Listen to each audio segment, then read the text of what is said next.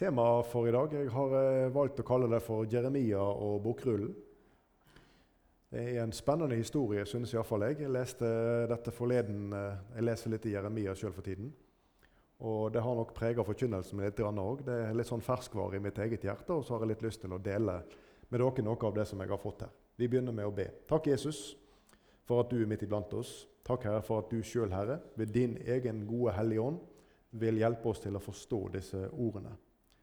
Herre, setter du i den rette perspektiv, og så vi forstår disse ordene her i vår kontekst, i den tid som vi lever i, Herre. Og gi oss du, Jesus, eh, innsikt i dine egne ord. Velsign stunder for oss i ditt navn. Amen. Vi skal lese fra Jeremia 36, og vi leser vers 1-3 der eh, i begynnelsen her. I Judas konge Jojakims, Josias sønns fjerde år, kom dette ordet til Jeremia fra Herren. Ta deg en bokrull og skriv i den alle de ordene jeg har talt til deg om Israel og Juda og alle hedningefolkene fra den dagen da jeg først talte til deg, fra Josias dager og til denne dagen. Kanskje Judas hus vil merke seg all den ulykke jeg tenker å gjøre dem, så de kan vende om hver fra sin onde vei, og jeg kan tilgi dem deres misgjerning og deres synd. Guds hensikt når han taler med Jeremia her, den ser vi her i det tredje verset. Kanskje Judas hus vil merke seg all den ulykke jeg tenker å gjøre med dem, så de kan vende om hver fra sin onde vei, og jeg kan tilgi dem deres misgjerning og deres synd. Guds hensikt er anledning til omvendelse og tilgivelse. Og Det blir på en måte ei linje som vi må ha litt i, i bakhodet gjennom det vi nå skal dele. For slik var det da, og slik er det fremdeles. Guds hensikt i denne nådetid som vi lever i, det er å gi mennesker anledning til å omvende seg ifra sin villfarne og onde og syndige vei og kaste seg, som det står i sangen, i Frelserens armer for å få tilgivelse, fred og evig liv. Herren han kalte Jeremia til profet, og vi skal lese fra Jeremia kapittel 1. og Vi leser versene 2 til 3. Herrens ord kom til ham i de dager da Josia, Ammons sønn, var konge i Juda, i det 13. år av hans regjering. Hvis du ser i et leksikon, så ser du at det var i år 627 før Kristus. Og, i, og siden i de dager da Jojakim, Josias sønn, var konge i Juda, og helt til slutten av Judas konge Sidkias, Josias sønns ellevte år, da Jerusalems innbyggere ble bortført i den femte måneden. Det er altså i år 586 før Kristus. Og hvis du trekker fra litt her, så ser du at Jeremia sin tid som profet den er ca. 40 år her i Juda til sammen. Herren han ga altså Jeremia dette påbudet om å få skrive denne bokrullen. Og så står det at det var i Judas konge Josias sønns fjerde år. Det leste vi i vers 1 i kapittel 36. Og Hvis vi igjen blar opp i et leksikon, så vil vi finne ut at det er i år 605 før Kristus at dette skjer. Altså 22 år inne i Jeremias virketid som profet i Juda. Han har holdt på nå i 22 år, ganske lang tid, og forkynne de profetiene som Herren har lagt på hans hjerte. Og på dette tidspunktet så kommer Herren til han og sier dette. Jeremia, alle de ordene jeg har talt til deg, om Israel, om jødene, om hedningefolkene, det skal du skrive ned i en bokrull. Så altså etter 22 år med et budskap til folket som Jeremia har båret fram fra Herren, et budskap til omvendelse med løfte om velsignelse dersom folket omvender seg, men også en advarsel til folket om Guds rettferdige dom dersom de skulle velge fortsatt å leve på sin syndige ferd.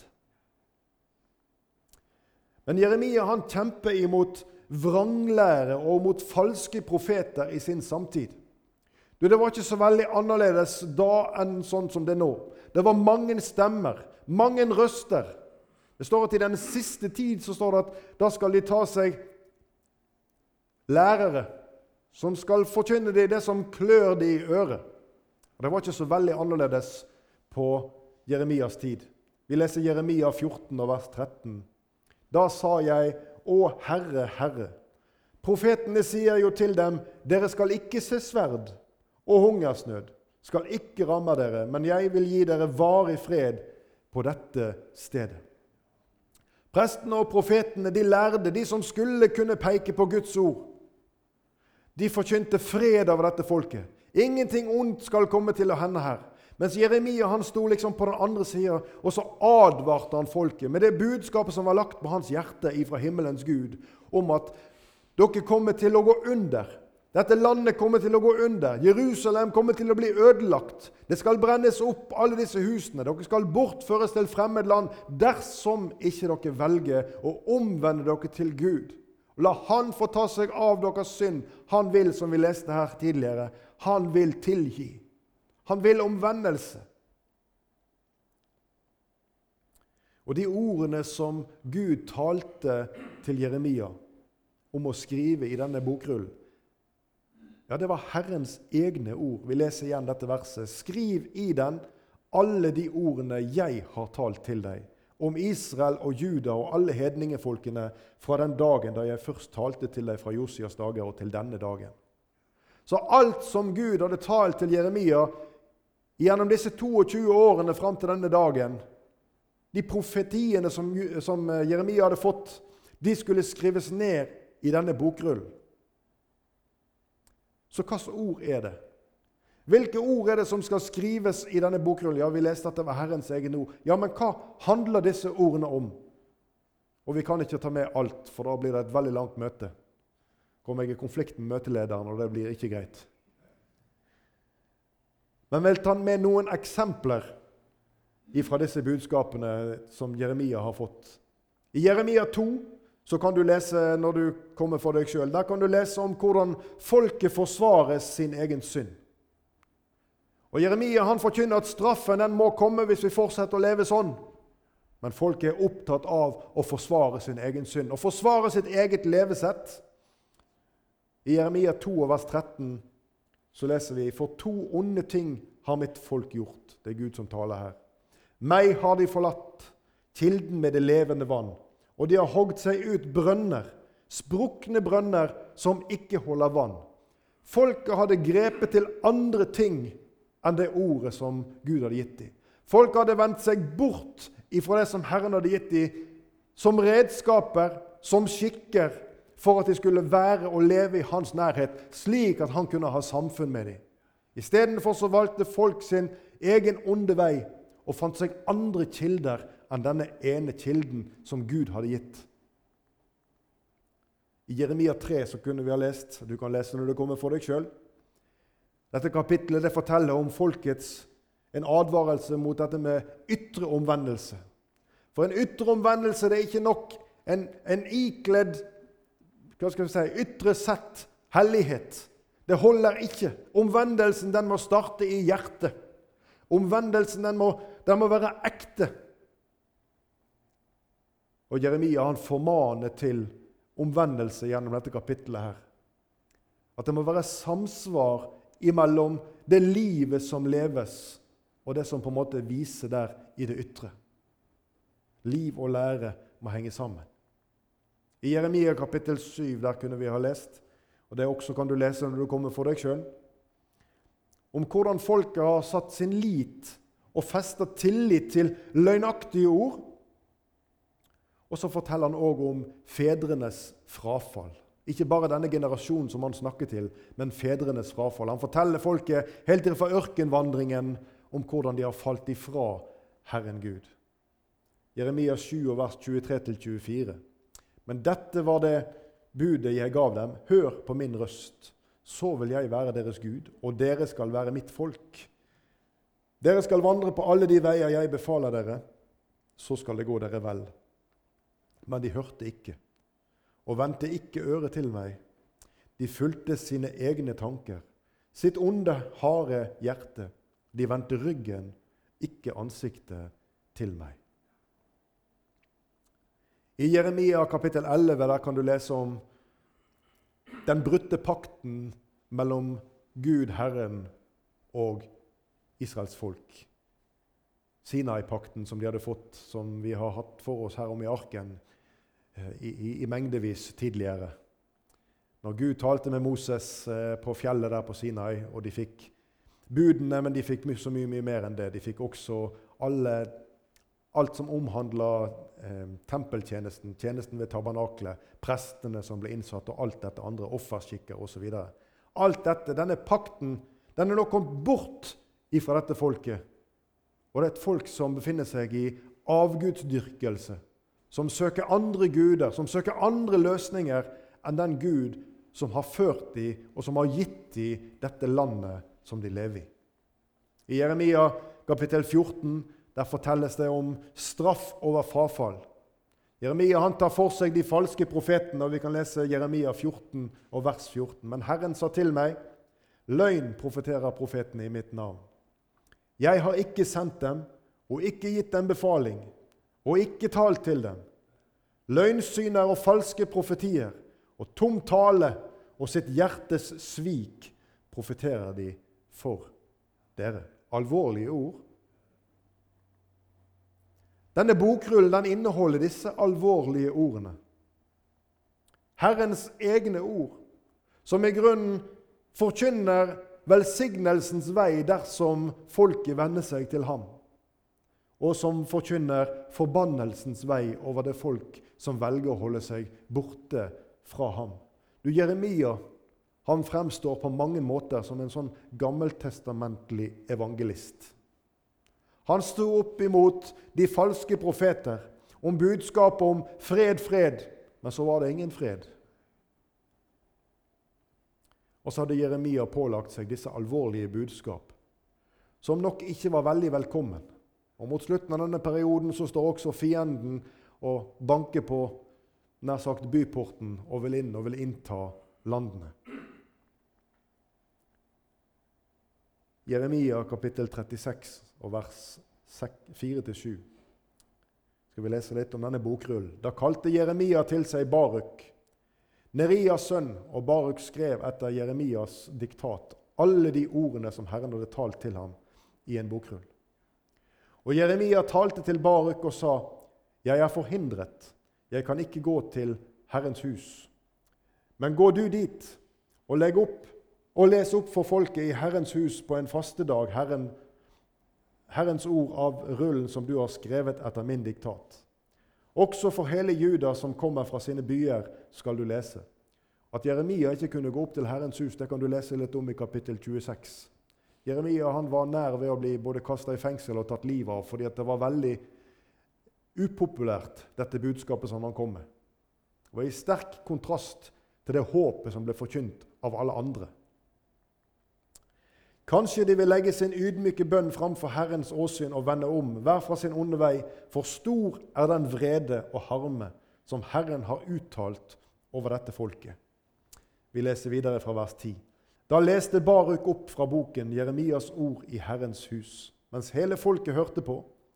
Det gjorde han i statsskriverens Gemarias Sjafans sønns rom i den øvre forgården ved inngangen til den nye porten i Herrens hus. Da Mikaia, sønn av Gemaria, sønn av Sjafan, hørte alle ordene bli lest opp av boken, gikk han ned til kongens hus, til statsskriverens rom. Og der fant han alle høvdingene sittende. Statsskriveren Elishama og Delaya, Shemaias sønn, og Elnatan, Akbors sønn, og Gemaria, Shafans sønn, og Sidkia, Hananyas sønn, og alle de andre høvdingene.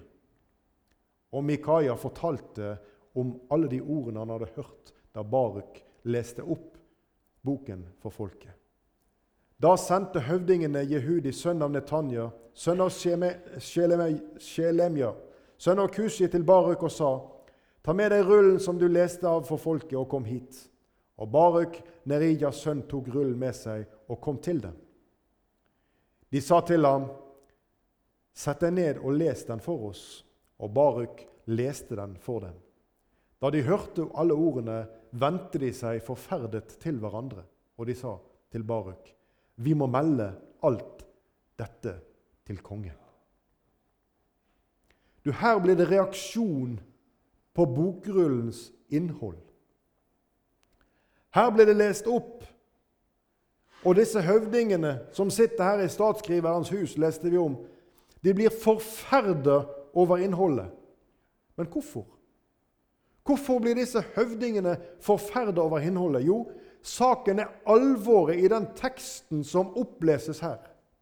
Og dette ordet som blir opplest fra denne bokrullen, det er i voldsom kontrast til det som de falske profetene har stått fram og forkynt. Denne fred og ingen fare-forkynnelsen, denne glatte over, denne aksepten for å leve som en vil, alt dette det står i sterk kontrast til det som leses opp her. Og alt det som de har satt sin lit til, og som de vet også at kongen har satt sin lit til, det bringes her ut av trygghet. Her er det et møte med et ord fra profeten Jeremia. Og disse ordene det var Herrens egne ord som var nedskrevet, og alvoret det rammer hjertene til disse høvdingene. I Jeremia 14, 13 så leser vi profetene sier jo til dem, dere skal ikke se sverd, og hungersnød skal ikke ramme dere, men jeg vil gi dere varig fred på dette stedet. Dette var det budskap som disse høvdingene og som kongen hadde satt sin lit til. Men virkeligheten fortonte seg så veldig annerledes. Med dette budskapet som nå ble lest opp av denne bokrullen, med Guds dom over synden, med et budskap til omvendelse. Og disse høvdingene ja, de blir plutselig opptatt av kildekritikk. Du kan lese om dette sjøl i Jeremia kapittel 36. Og I vers 17 der så konfronterer de Baruk med De vil være helt sikre på var det Jeremia, altså var det han som dikterte det som du skrev ned her. Vi kjenner Jeremia som en Guds profet. Og Det blir viktig for deg å vite hva er opphavet til dette ordet som du leser til oss her, som er så alvorlig. Vi leser videre hva som skjedde her fra vers 20 til 20 ja, 20-24. Så gikk de inn til kongen i forgården, men rullen la de ned i statsskriverens eh, Elishamas rom, og de fortalte alt dette til kongen. Da sendte kongen Jehudi av sted for å hente rullen. Og han hentet den fra statsskriveren Elishamas rom, og Jehudi leste den opp for kongen og alle høvdingene som sto hos kongen. Kongen satt i vinterhuset, for det var den niende måneden, og det brant ild i et fyrfat foran ham. Hver gang Jehudi hadde lest opp tre eller fire blad, skar kongen dem av med en pennekniv og kastet dem på ilden i fyrfatet, til hele rullen var oppbrent av ilden i fyrfatet. Og de var ikke forferdet, og de flerret ikke klærne sine, verken kongen eller noen av hans tjenere, som hørte alle disse ordene. Du, Det var en nokså annerledes reaksjon i kongens hus. Disse ordene de er ubehagelige. Dette tror vi ingenting på. Så dette det bare skjærer jeg opp i biter her, og så hiver jeg det etter fyrfatet, og så er det borte. Vi har hørt de andre profetene som forkynner fred over dette. Det er ingen grunn til å uroe seg. Det er jo vår tid den er ikke så veldig annerledes i møte med Bibelens budskap. I Forkynneren kapittel 1 og vers 9 der står det at det som har vært, er det som skal bli. Og det som er hendt, er det som skal hende. Og så er det et kjent ord som veldig mange bruker uten å tenke på opprinnelsen, kanskje. Det er intet nytt under solen.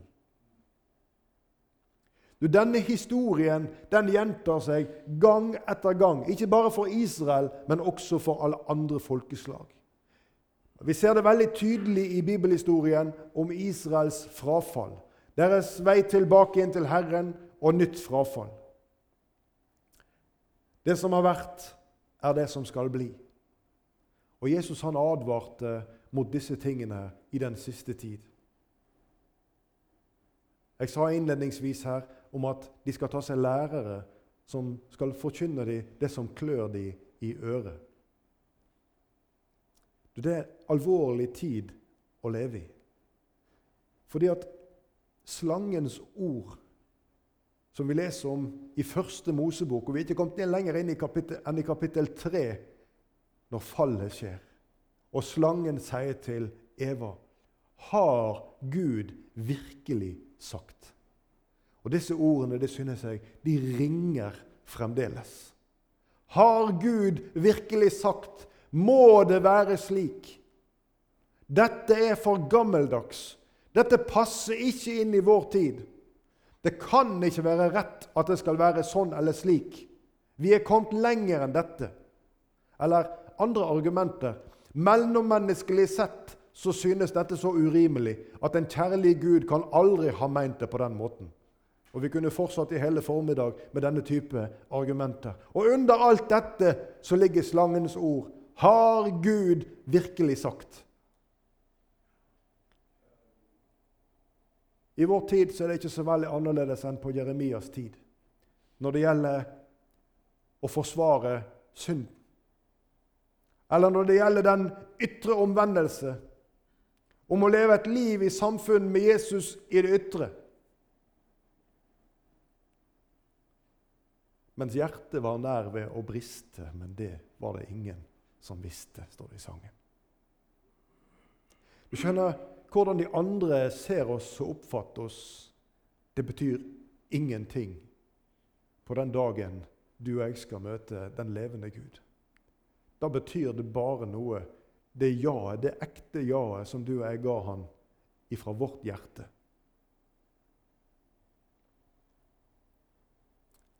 I Jeremia 2,13 så leste vi at 'meg har de forlatt, kildene med det levende vann', og de har hogd seg ut brønner, sprukne brønner som ikke holder vann. Og jeg vil spørre deg, du som hører på dette, hva har du satt din lit til?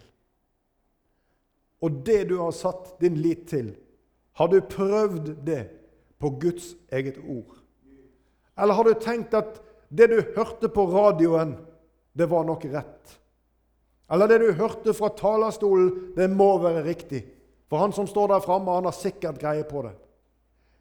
Du, når du er ute i stormen og kaster ut ankeret for å få sikker grunn, så vil du være sikker på at ankerfestet ditt det er festa i noe som står fast, noe som gjør at du ikke driver av. Du kan ikke ta sjansen på å kaste ankeret ditt opp i naboen sin båt. Du må ha et ankerfeste som gjelder for ditt liv. Og Dette ankerfestet det finnes i Guds eget ord. Der må ditt trosliv være forankra. Ikke i ulike læresetninger som du hører på i mange sammenhenger. De må du gjerne feste din lit til dersom de står seg i møte med Guds ord. Dette er så viktig med kildekritikk. I Malakia kapittel 3 vers 6 der leser vi i dette verset Jeg, Herren, har ikke forandret meg. Et gripende vers. Det grep i hvert fall hjertet mitt veldig. Jeg satt her for en del dager siden og leste fra Jeremia 10 og leste dette tolvte verset om Gud. Det kan fort komme litt i ulage for oss, dette med, med, med, med hvem Gud er. Med hans størrelse, hvilken dimensjon det er over Gud. Og vi kan ta oss i og tilnærme oss Gud på en uærbødig måte. Men Gud han er herre over alle ting. Og vi leser dette tolvte verset. Han er den som skapte jorden ved sin kraft.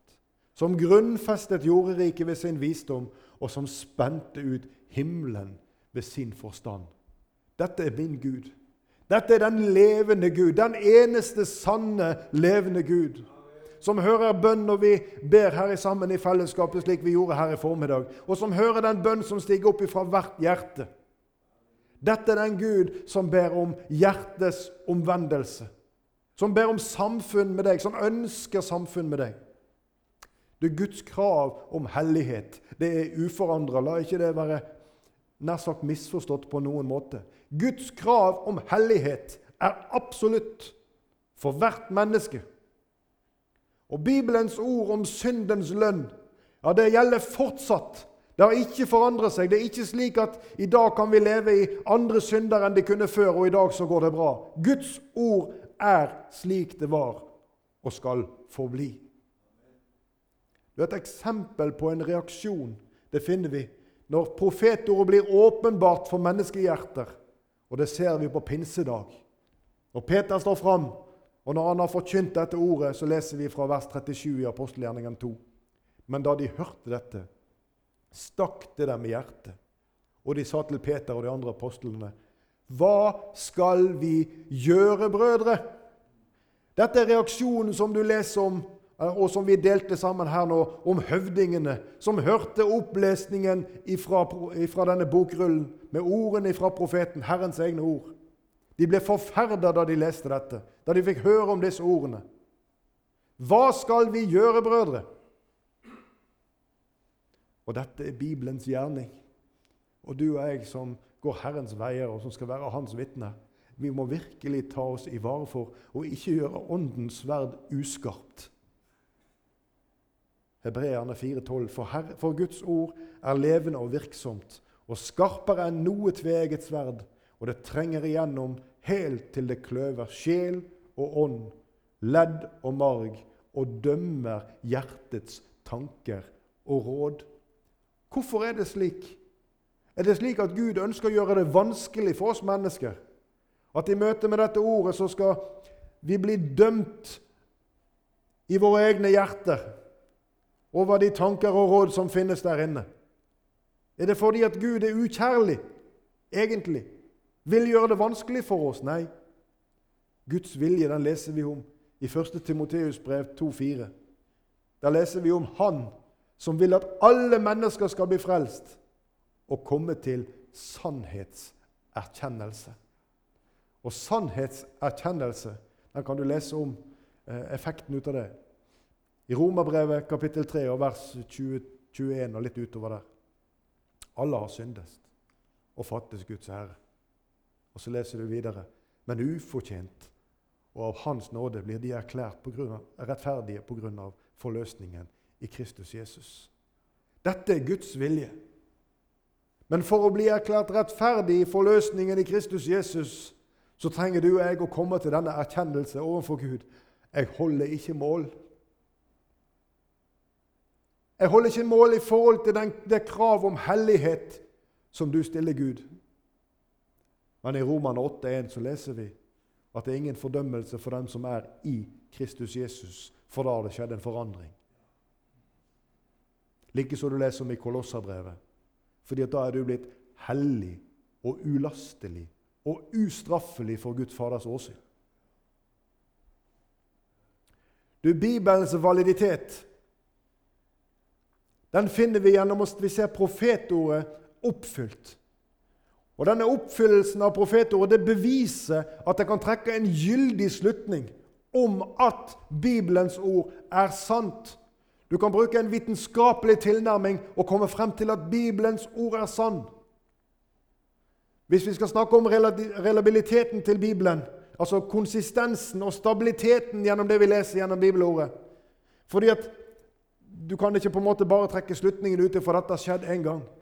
Når vi måler rett vitenskapelig relabilitet, så går vi over en periode og så ser vi om det er stabilt. dette her. Vi kan ikke gjøre ett forsøk, og så ser vi at dette, dette virker så da er dette pålitelig. Men når vi har forsøkt det gang etter gang, og jo flere ganger på rad dette virker slik som vi hadde forutsett, jo riktigere blir det, og jo, jo tryggere er vi på at denne slutningen er riktig.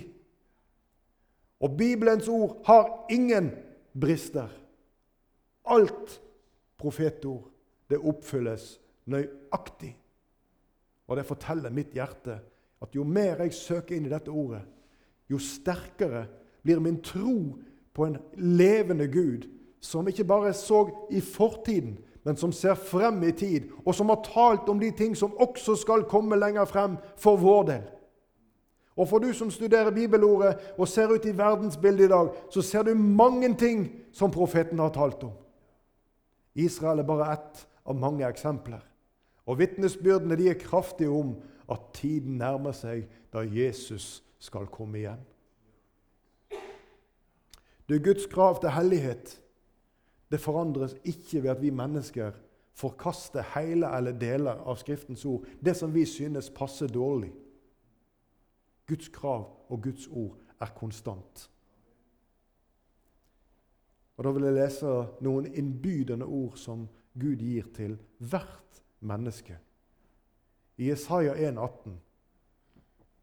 Kom og la oss gå i rette med hverandre, sier Herren. Om deres synder er som purpur, skal de bli hvite som snø. Om de er røde som skarlagen, skal de bli som den hvite ull. I Jesaja 55 og vers 7. Den ugudelige må forlate sin vei, og den urettferdige sine tanker, og omvende seg til Herren. Og hør, så skal Han forbarme seg over ham. Og til vår Gud, for Han vil gjerne forlate alt. Jeg vet ikke hva du bærer på i ditt hjerte. Men jeg vil be til Jesus om at han må legge en nød i ditt hjerte om å være så tett på Hans ord at ikke du skal bli ført bort ifra Hans sannhet ved de mange røster som råder i vår tid. Og om du skulle ha det slik, om du skulle finne det slik at du lever på avstand ifra Guds ord, ifra Hans vilje og vei på områder i livet ditt, så står denne invitasjonen seg hver dag. Kom og la oss gå i rette med hverandre, sier Herren.